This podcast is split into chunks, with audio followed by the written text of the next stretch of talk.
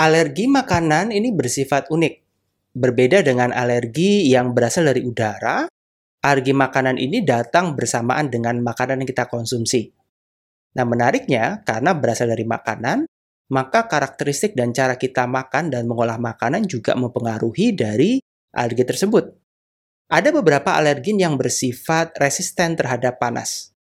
Alergen ini biasanya terdapat pada bahan makanan seperti kacang-kacangan, beberapa jenis ikan seperti ikan koi atau susu ya, alergi terhadap laktoglobulin atau pada telur.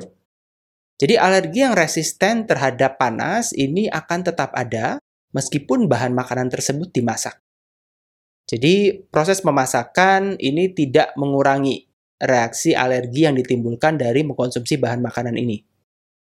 Selain alergen yang resisten terhadap panas atau pemasakan, ada beberapa jenis alergen yang tidak mudah rusak akibat pemanasan. Alergen ini biasanya jumlahnya berkurang atau mengalami penurunan pada proses pengolahan. Dan pengolahan makanan yang baik dapat membantu kita menghindari alergi atau reaksi alergi terhadap bahan makanan ini. Biasanya makanan apa aja sih?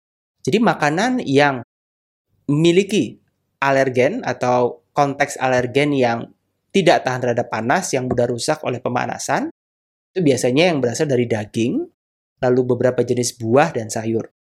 Alergen-alergen ini bisa kita hindari dengan cara mengolah makanan lebih baik, sehingga mengurangi resikonya terjadinya alergi terhadap bahan makanan ini. Atau sebaliknya, kita baru merasakan alergi ini ketika mengkonsumsi bahan makanan ini secara mentah. Jadi ini adalah alergen yang mudah rusak oleh pemanasan dan dapat kita tanggulangi dengan proses pengolahan makanan yang baik.